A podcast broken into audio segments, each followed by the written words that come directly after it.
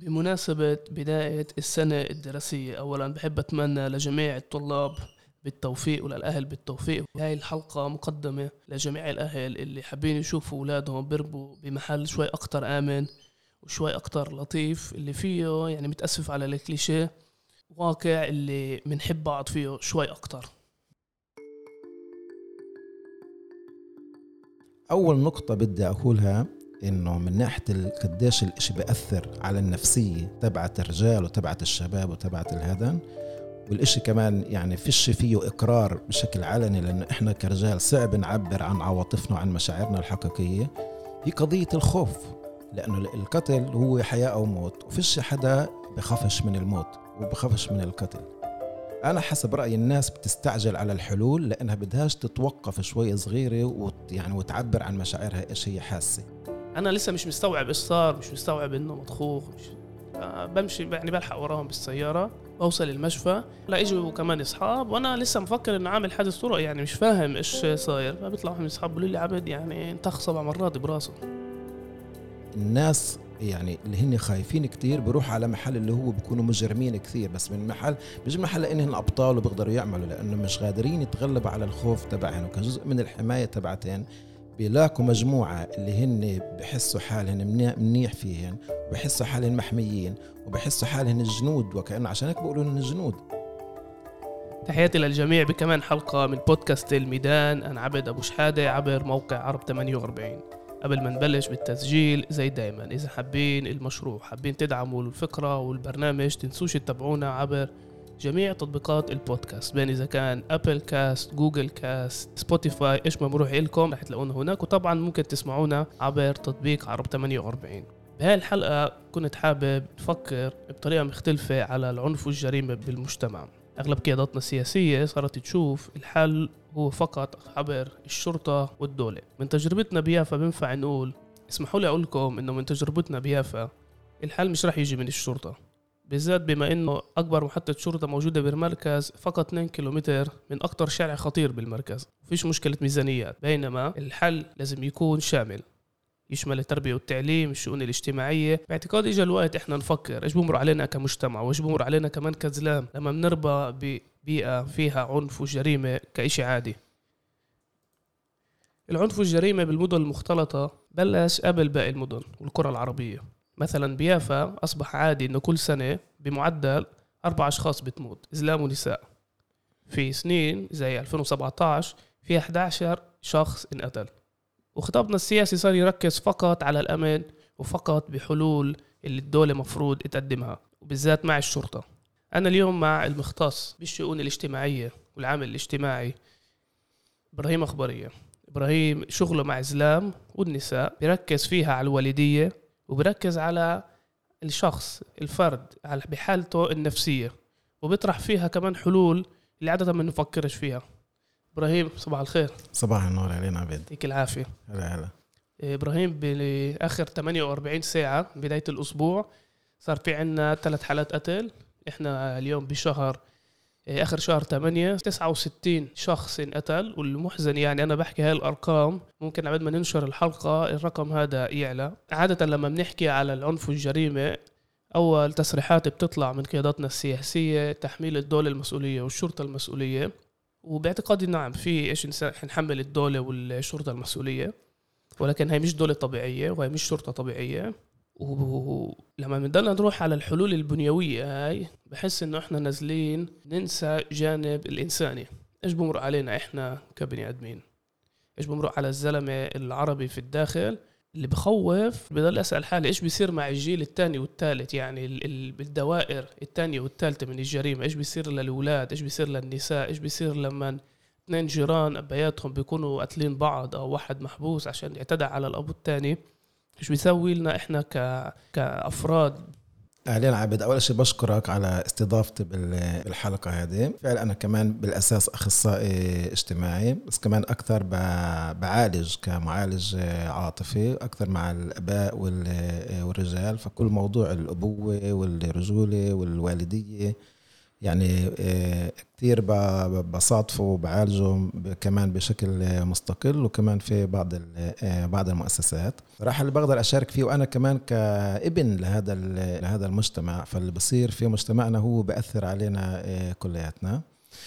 والشيء بدي أحكيه بالأول إنه يعني عم بلاحظ إنه وسائل الإعلام بآخر فترة وكمان المجتمع يعني بعد ضحايا. كل يوم بعد بعد بقول صرنا 60 70 80 إذا وصلنا المعدل أكثر من معدل أقل من المعدل اللي بدي أقول إنه يعني آه، حجم الكارثة إذا بدنا نسميها هو أكبر من الأعداد هذه بكثير. فانا بدي أستغل الحلقة هذه يعني ونتطرق بشكل آه، معمق أكثر على آه، على إيش بصير من ناحية عينية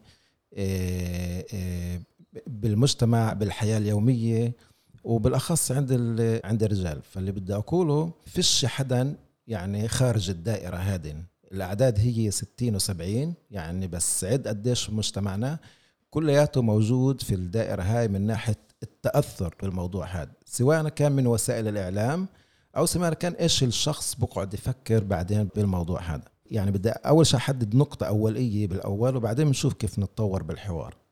أول نقطة بدي أقولها إنه من ناحية قديش الإشي بأثر على النفسية تبعت الرجال وتبعت الشباب وتبعت الهدن. والإشي كمان يعني فيش فيه إقرار بشكل علني لأنه إحنا كرجال صعب نعبر عن عواطفنا وعن مشاعرنا الحقيقية. هي قضية الخوف لأنه القتل هو حياة أو موت وفيش حدا بخافش من الموت وبخافش من القتل. فالخوف من من القتل موجود عند عند الكل. والسؤال اللي بصير قديش إحنا بنعطي مساحة للمحل هذا أنا حسب رأي الناس بتستعجل على الحلول لأنها بدهاش تتوقف شوي صغيرة وت يعني وتعبر عن مشاعرها إيش هي حاسة. فطوال بتروح بدها حل بدها حل بدها حل بس هي بدها حل من كثر الخوف. الناس خايفة كثير. وهذا إشي بأثر يعني على على الشباب الصغار وعلى الشباب الكبار وعلى وعلى الوالدية. كل واحد من المحل اللي هو موجود من المحل اللي هو موجود فيه.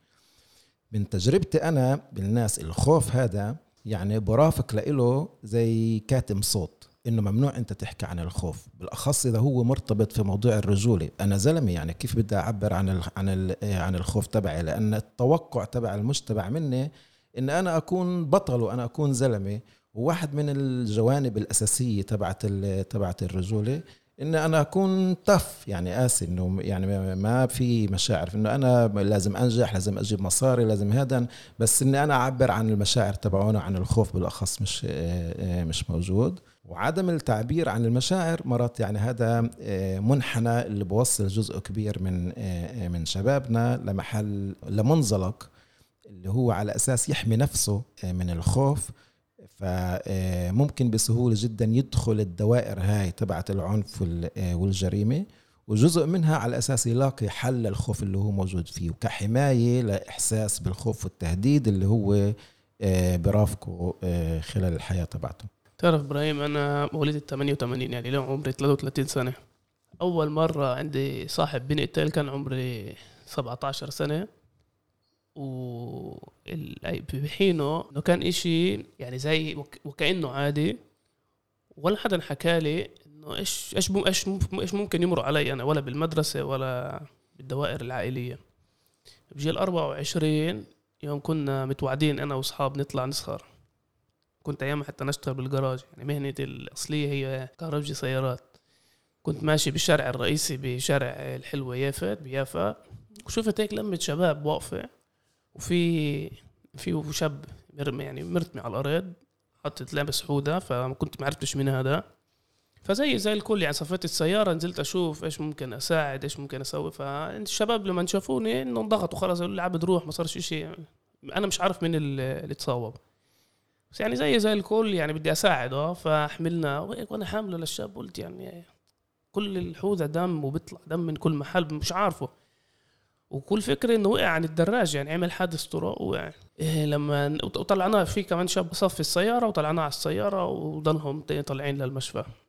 فضلتني واقف بسال مين هذا؟ ولا حدا بده يرد علي. بالآخر واحد بيقول لي عبد يعني هذا قريبك. أنا لسه مش مستوعب إيش صار مش مستوعب إنه مطخوخ مش بمشي يعني بلحق وراهم بالسيارة بوصل المشفى. بالمشفى فهمت إنه أول شيء إنه توفى. بتشوف يعني جده والمشهد إنه تشوف جده هي مش هو مش مشهد طبيعي مش بهاي الحال. بتذكر حدا بيطلع الدكتور الدكتور بيقول يعني بالعبري واو يعني مازه يعني إيش صار هنا؟ وصرنا نتغاوش مع الدكتور إنه إيش بتسوي؟ تحرك اعمل إشي. أخذوه لجوا لا اجوا كمان إصحاب وأنا لسه مفكر إنه عامل حادث طرق يعني مش فاهم إيش صاير. فبيطلع واحد من إصحاب بيقولوا لي عبد يعني انتخ سبع مرات براسه. وبيجوا يعني ولاد خالتي بيجوا بيقولوا لي عبد يعني بضل قشن فيش شيء تسوي. وتوفى يعني فيش فيش شيء الواحد يسوي. يومتها أنا ما فهمتش إيش صار معي أنا بحكيك عبد على مستوى نفسي. اليوم براجع حالي فهمت أنا كنت باكتئاب. نفس الاكتئاب خلاني أغير مهنتي. آه يعني بجيل 24 بفهم أوكي يعني إنه بدي أسوي شيء جديد بحياتي ب... إيه، بسجل إلى لدورة بقريد بخلص بنهي كل البقريد اللي كانت ناقصة. بجيل 25 يعني بشتغل الصبح بالجراج بالليل بتع... يعني بتعلم. وكان في دافع إنه بدي بدي أقود لتغيير اجتماعي عبر التعليم والأكاديمي. وبجيل 25 ببلش التعليم بس حتى وأنا بالجامعة يعني تعرف بتتعرف على المجتمع الإسرائيلي بقول يلا إيش هم من مرقوا بحياتهم؟ إيش أنا مرقت بحياتي؟ ولا حدا سألني عبد إيش حسيت؟ إيش مرقت بحياتك؟ ولما الواحد ببلش ينبش بالموضوع يعني بينتبه إنه والله كل حياتنا هيك كانت. يعني إحنا أولاد المدن الساحل الفلسطيني المدن المختلطة. ربينا بحالة فيها هالقد كتير عنف إنه تعودنا له يعني في مصطلح بالسوسيولوجيا يعني hypernormalization يعني الوضع على القد سيء بس إحنا متأثرنا متعودين له. يعني بطلنا حتى نسأل أسئلة قديش الواقع سيء وقديش مدر لنا إحنا كبني آدمين. كيف بنصير نشوف الدنيا بمنظور جدا عنيف جدا يعني الرجولية بتصير ما تكون مبنية على ماتشو ايزم على قوة جسدية على الحل بينفع يجي بس عن طريق العنف ومنكونش فاهمين إنه إحنا كمان ضحايا بهاي القضية. يعني إحنا مش ال... يعني مش يعني حتى لما إحنا بنتصرف بشكل عنيف إحنا نتيجة كوننا ضحايا بهيك واقع يعني اجتماعي وسياسي. نعم يعني عشان أكد على اللي أنت بتحكيه بالآخر كلياتنا موجودين بنفس بنفس الدائرة. اللي صار معك عبد هو بصير مع مع كثير ناس. كلياتنا مكشوفين. لحالة من التراوما سواء كان بالدوائر القريبة أو بالدوائر البعيدة. يعني حتى إذا إحنا بسمع الخبر أو بشوفه على التلفزيون أو هذا وإحنا مجتمع صغير نسبيا يعني كجمهور وكمجتمع فيش حدا بتلاقيه اليوم إلا تلاقي أو قريبه أو حد بيعرفه أو شافه أو صاحبه اللي هو موجود في الدوائر القتل والجريمة والهذا. فكلياتنا متأثرين بالموضوع. بس اللي صار اللي بصير يعني تعقيبا على اللي أنت آه، حكيته يعني النتيجة إنه إحنا موجودين بالدوائر هذه السؤال إيش إحنا ردود الفعل تبعتنا؟ وأي آه، آه، سبل وأساليب اللي إحنا بنتبناها على أساس نحمي نفسنا وعلى أساس إنه إحنا نتعامل مع مع الوضعية هذه اللي كثير صعبه اللي هي التراوما بالأساسية. ففي بقدر أميز يعني آه، حالتين اللي هن أساسيات. في أو امتناع مطلق عن الأشياء وعلى أساس الناس المحظوظين هدول نوعا ما إنه على أساس يحموا نفسهم بتلاقي أو العيلة أو هم من يعني بيحكوش على التراوما بس على أساس يحموا نفسهم بيبعدوا عنها بقولوا هذا مش موضوع لإله بدي أهرب بهربوا من الموضوع وممكن يروحوا بشكل إيجابي أو يتعلموا أو يطلعوا برية البلاد أو يركز بالكاريرا تبعته انه على أساس إنه هو يبني حاله لحاله بشكل مستقل ويبعد بالمرة عن المجتمع. هدول الناس بتلاقيهن مش ناشطين بتهمهنش أمور اجتماعية فيش لهم علاقة ولا باي حدا إلا البيت تبعه والرزقه تبعه واليمكن والمصاري وكل النواحي هذه. وفي ناس تانيين على من الطرف الآخر اللي هن الخوف تبعهن بخليهن إن هن بدهن يلاقوا حل إن هن يحموا نفسهم وكجزء من الحماية بدخلوا بسرعة على الدوائر تبعون الجريمة والعقاب وبلاقوا حالهم هناك يعني من محل تبع خوف يعني هذا الشيء اللي هو فيه تناقض معين. الناس يعني اللي هن خايفين كتير بروح على محل اللي هو بيكونوا مجرمين كثير بس من محل مش محل انهم أبطال وبيقدروا يعملوا لأنه مش قادرين يتغلبوا على الخوف تبعهم وكجزء من الحماية تبعتين بيلاقوا مجموعة اللي هن بحسوا حالهم منيح فيهن وبحسوا حالهم محميين وبحسوا حالهم الجنود وكأنه عشان هيك بقولوا إن الجنود لأنه الجنود كجزء من منظومة اللي هو كبيرة اللي بتوفر لنا الحماية من من جهة. ومن جهة ثانية كمان هو هيك بيقدر بالمفاهيم تبعونه يلاقي آه، حماية للخوف تبعه. بس بدي أقول لك إياه الجهتين في عندهم نفس المشكلة نفس الأساس لأن تعرضوا لتراومات وما حلوها بشكل اللي هو يقدروا يعبروا عنها ويقدروا يجيبوها ويرتبطوا فيها بشكل اللي هو حقيقي أكثر. يعني أول شيء متأسف للمستمعين يعني سبويلر آه. خلصنا نحضر. مسلسل مدرسة الروابط المسلسل الأردني اللي بيحكي على التنمر قضية التنمر. المسلسل ببلش إنه في بنت كثير طيوبه مدرسة هي مدرسة بنات وفي بنت جدا طيوبه وجدا منيحة ويعني كأنه البنت المثالية اللي بتمرق تنمر بالمدرسة. تنمر شنع تعال نقول بس إذا إحنا هلأ بنتذكر إيش مر علينا بالمدرسة أو إيش إحنا سوينا بالمدرسة يعني مش خارج عن النطاق. يعني هيك يعني للأسف هذا التنمر بهاي الاجيال المسلسل ببلش إنه يعني هي البنت الطيوبة الضحية. بعدين بدها تصير تنتقم ولاخر البرنامج تتحول إلى وحش. تتحول لإنسان جدا جدا عنيف. يعني يعني بت يعني ما نعرفش إيش بالضبط بيصير بآخر المسلسل بس بنعرف إنه في حدا بينقتل من تحت راسه يعني من تنمر المدرسة لقتل بال بسبب التنمر اللي هي مرأته. أو بسبب كما يبدو الواحده من الصبايا اللي تنمرت عليها بتوصل إنه تنقتل. وأنا أحضر المسلسل بقول يعني لا يعني كنت أحضر المسلسل مع مرتي بقول لها تعرف المجرمين اليوم اللي إحنا بنعرفهم مجرمين وإحنا صغار هذول كانوا يعني ضحايا. الشباب اللي كانت تتنمر وإحنا صغار يعني فترة المدرسة بنت حياة طبيعية آه. تجوزت وخلفت بتشتغل شغل عادي وكملوا الألقاب اكاديميه وخلص بيمرقوا هاي المرحلة. بس الأولاد اللي بتمرق التنمر الشنع وبتحقد على المجتمع بتمرق كوارث يعني هيك على المز... على على يعني على مستوى النفس بتطور أساليب أشنع من المتنمر الأول. بقولها يعني كثير من اللي إحنا بنشوفهم اليوم بعالم الإجرام هدول كانوا أولاد الغلابة يعني هدول الأولاد اللي كانوا ضحايا لظروف اجتماعية وظروف آه، يعني عائلية جدا صعبة. واليوم إحنا نشوف وين هم صاروا يعني ما حدش اليوم بيسترجع يحكي معهم. العنف اللي بنشوفه بالمدرسة كيف بترجم حاله بالبيئة ببيئة فيها فيش فيها مساحة نحكي فيها على مشاعرنا أو نحل فيها قضايا اجتماعية كيف بتضلها تكبر ل لظواهر اللي فيش يعني فيش لها حلول. بس الإشي يعني بكل يعني بيمشي بكل الاتجاهات. يعني اللي بصير بالمدرسة وهو بعدين بيطلع برا بس كمان اللي برا بفوت على المدرسة. المدرسة هي ميكروكوسموس للي بصير بالمجتمع بالمجتمع آه، برا. واليوم وضعنا أنا ما حضرتوش مسلسل الروابي بس سمعت عنه. بس حسب رأيي اللي بصير بالمجتمع اليوم أقوى بكثير. يعني لأنه فيه حدية كثير كبيرة.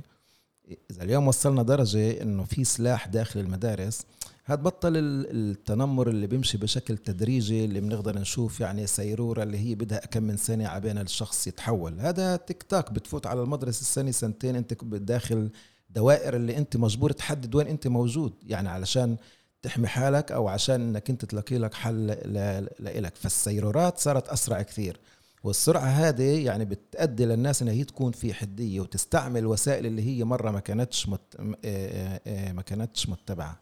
بس بضل من ناحية نفسية مزبوط يعني معك حق. الناس يعني بتبدأ من هناك من الجيل الصغير اللي هو بعده فيش عنده القدرات إنه هو لحاله يقدر يلاقي آه، سبل ووسائل اللي هو يقدر يتعامل مع الوضعية اللي هو موجود فيها. بالأخص إنه كمان الأهل والمجتمع مش موجودين في المحل إن هن يشجعوا الأولاد إن هن يحلوا مشاكلهم بشكل إيجابي إيجابي.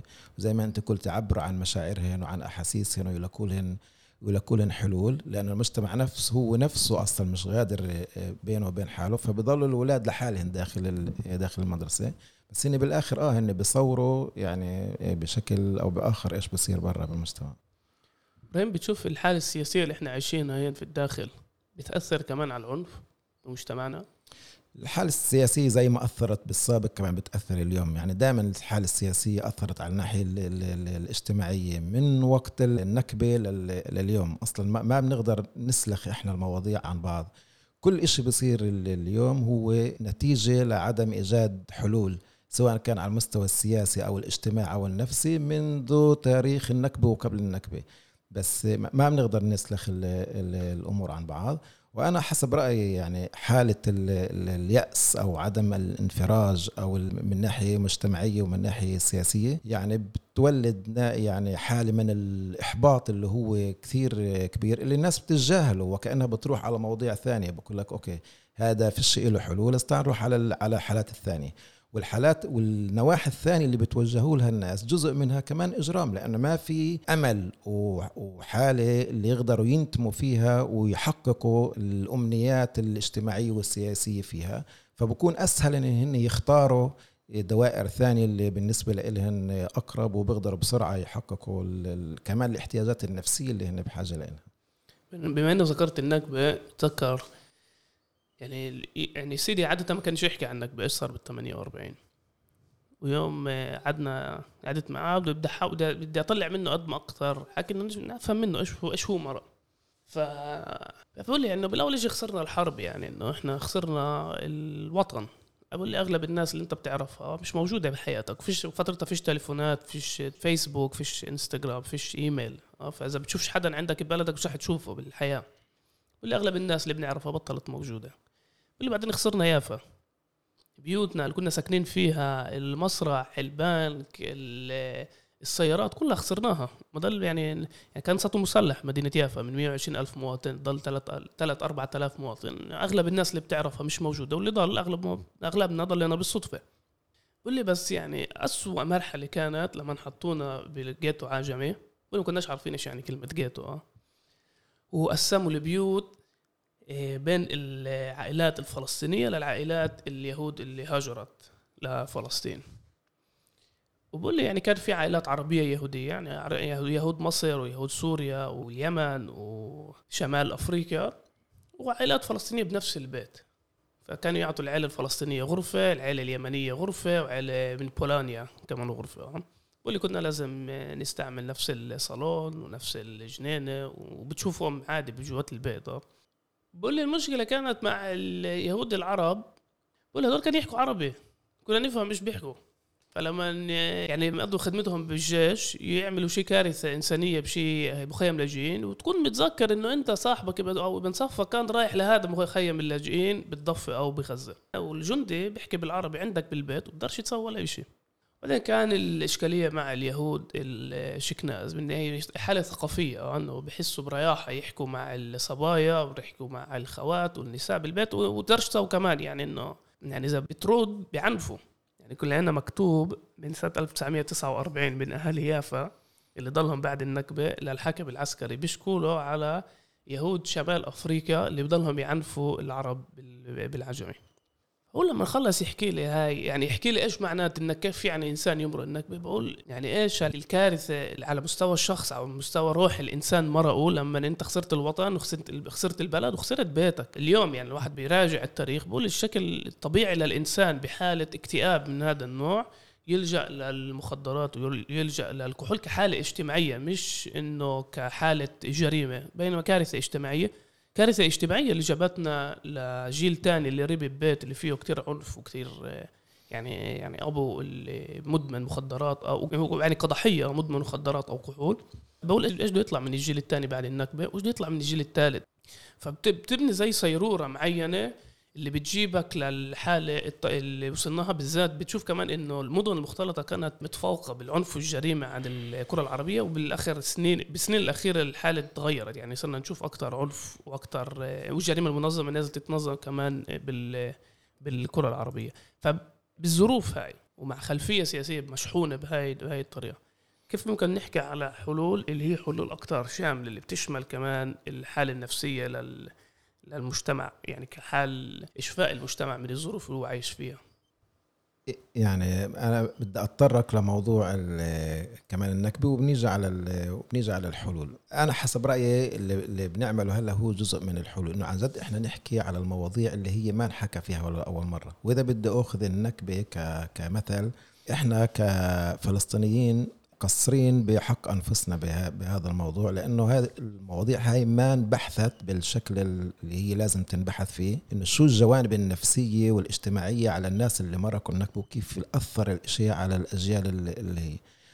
أنا اللي بعرف إنه اليوم في مشروع لجمعية زخروت اللي هن يعني أخذ على نفسهم هن يبحثوا هذا الموضوع للعمق أكثر. بس أنا اللي بدي أقول لك من من تجربتي بالناس اللي أنا بعرفهم كمان بالغرف العلاجية إنه حالة ال ال الهزيمة والخذلان والعجز والحالة النفسية اللي كانوا موجودين فيها في الشك إنه هي اللي سببت للسلوك الاجتماعي اللي إحنا كنا نشوفه. وهو بيشبه الوضع الموجود اليوم بس من ناحية ثانية لأنه هن كانوا بالسرفايفل يعني كانوا بدهن الحياة تبعتهم بدهن البقاء صراع البقاء موجودين فيه. اليوم إحنا فيش عندنا يعني صراع بقاء أكثر لأنه إحنا كثرنا وكبرنا وصرنا كمان نقدر نحكي بشكل جريء مش زي ما هن كانوا بسبب الخوف اللي هن موجودين فيه.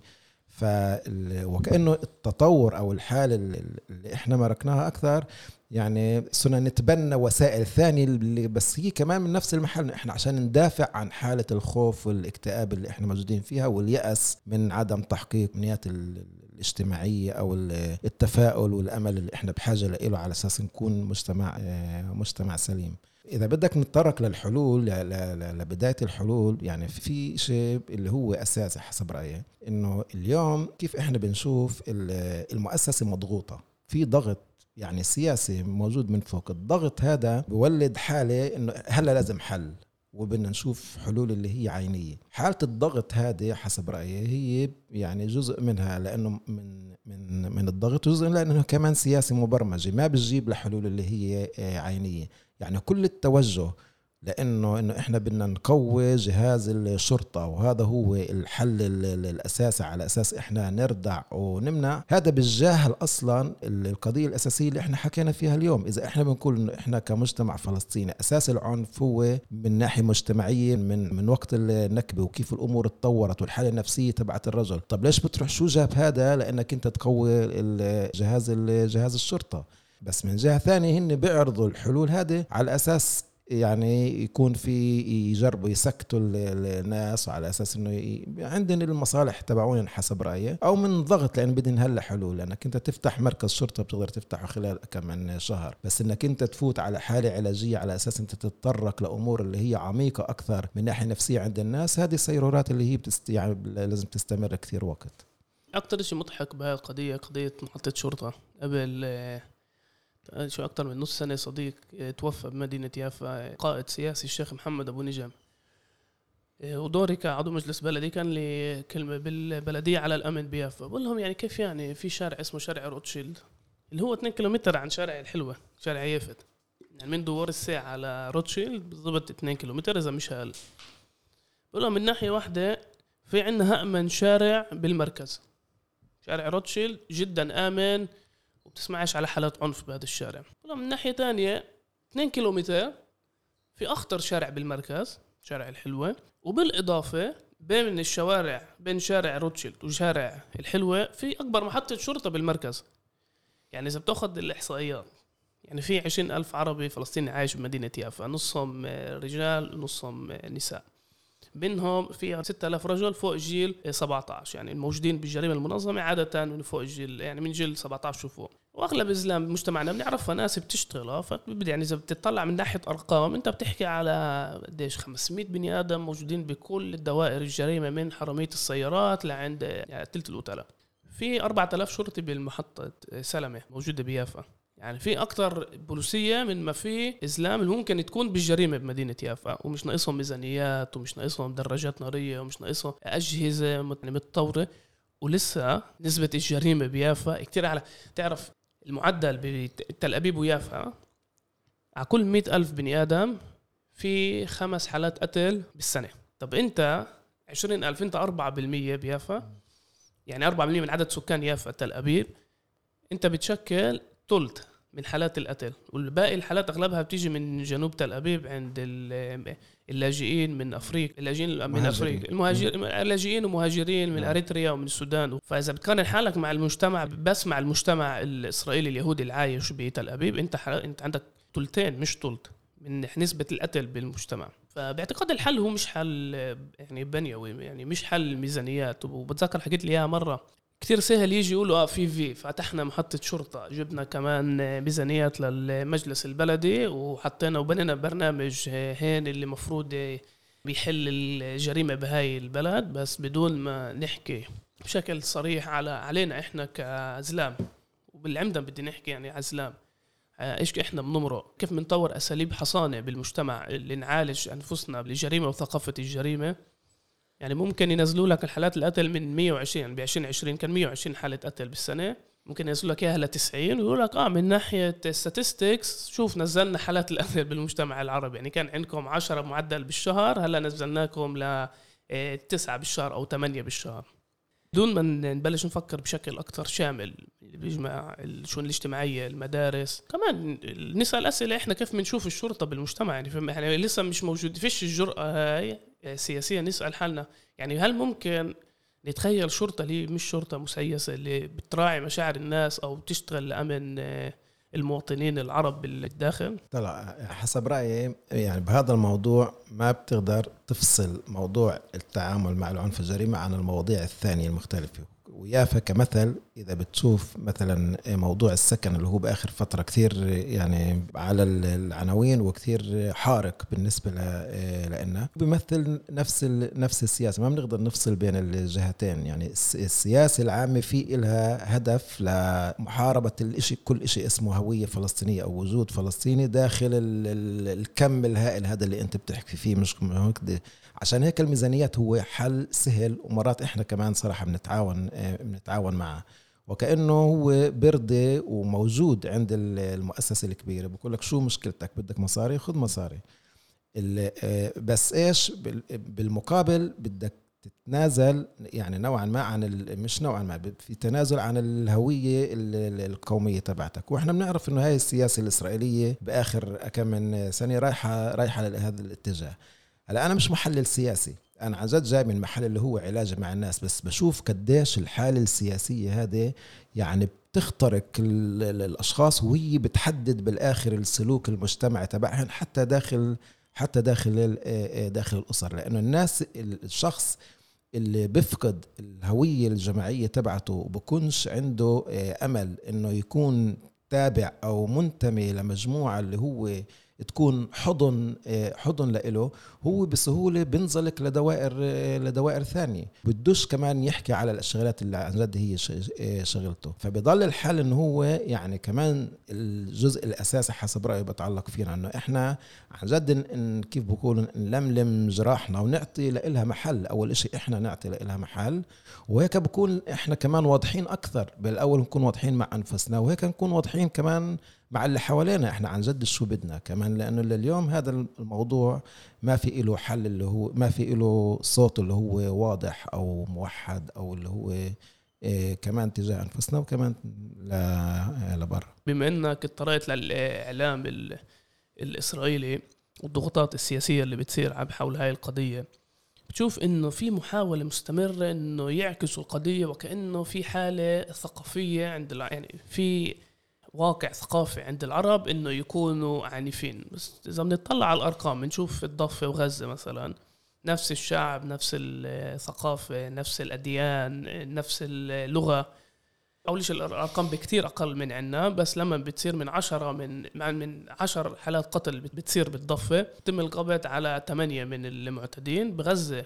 يعني شوف مع الحالة الاجتماعية الموجودة بغزة.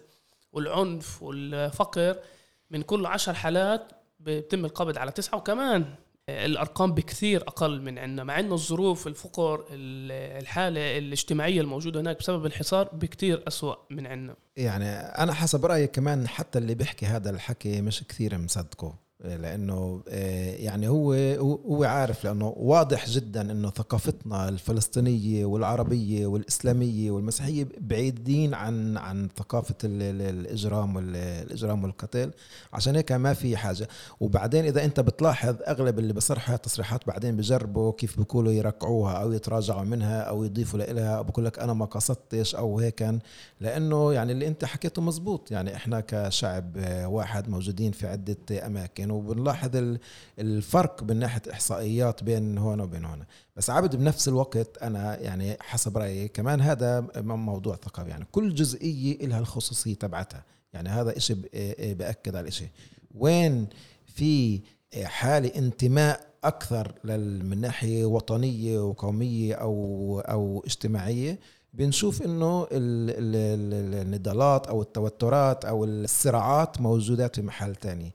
إحنا اليوم الصراعات هي يعني موجودة في بالداخل. هذا يعني ما ما ما ببررش أو ما بينزلش من المسؤولية تبعتنا كمجتمع إن نشوف إيش بصير عندنا بالداخل بالمحل بالمحل هذا. بس طبعا آه بعيد عن إنه إحنا هذا في مش جزء من الثقافة الإجرام مش جزء من الثقافة ومش جزء مش من الانتماء تبعنا. وهو معتقد إبراهيم أول شيء شكرا جيت على البودكاست.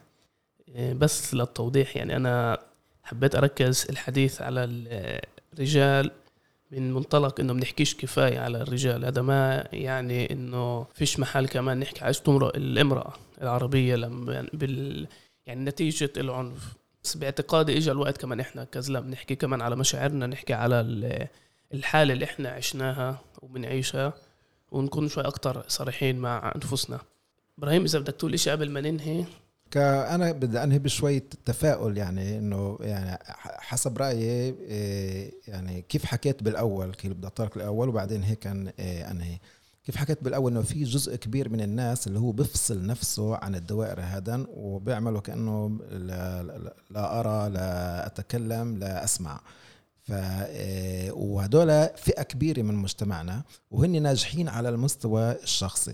إذا إحنا بنعمل بيننا وبين أنفسنا بالداخل إنه نفتح الدوائر هاي ونشجع انه الناس عن جد تتواصل مع من إيش هي خايفة مع الخوف تبعونها مع التاريخ تبعها بشكل شخصي. بنقدر نسبب إنه دوائر الناس اللي عن جد واعية للموضوع هذا وبدها تكون جزء من دوائر اللي هي بتقاوم أو بتعمل شغلات اللي هي على أساس إنه إحنا نحد من من الظاهرة هذه وتكون أكثر ناشطة آه، بالمجتمع هذا ممكن يعني هو الحل الأساسي حسب رأيي أو هو اللي بوجهنا للحل الأساسي. إبراهيم سؤال أخير. بتشوف الزلام اللي بتتوجه لك لدورات العلاج اللي بتمرقها تعكس تحسن بهذا المجال؟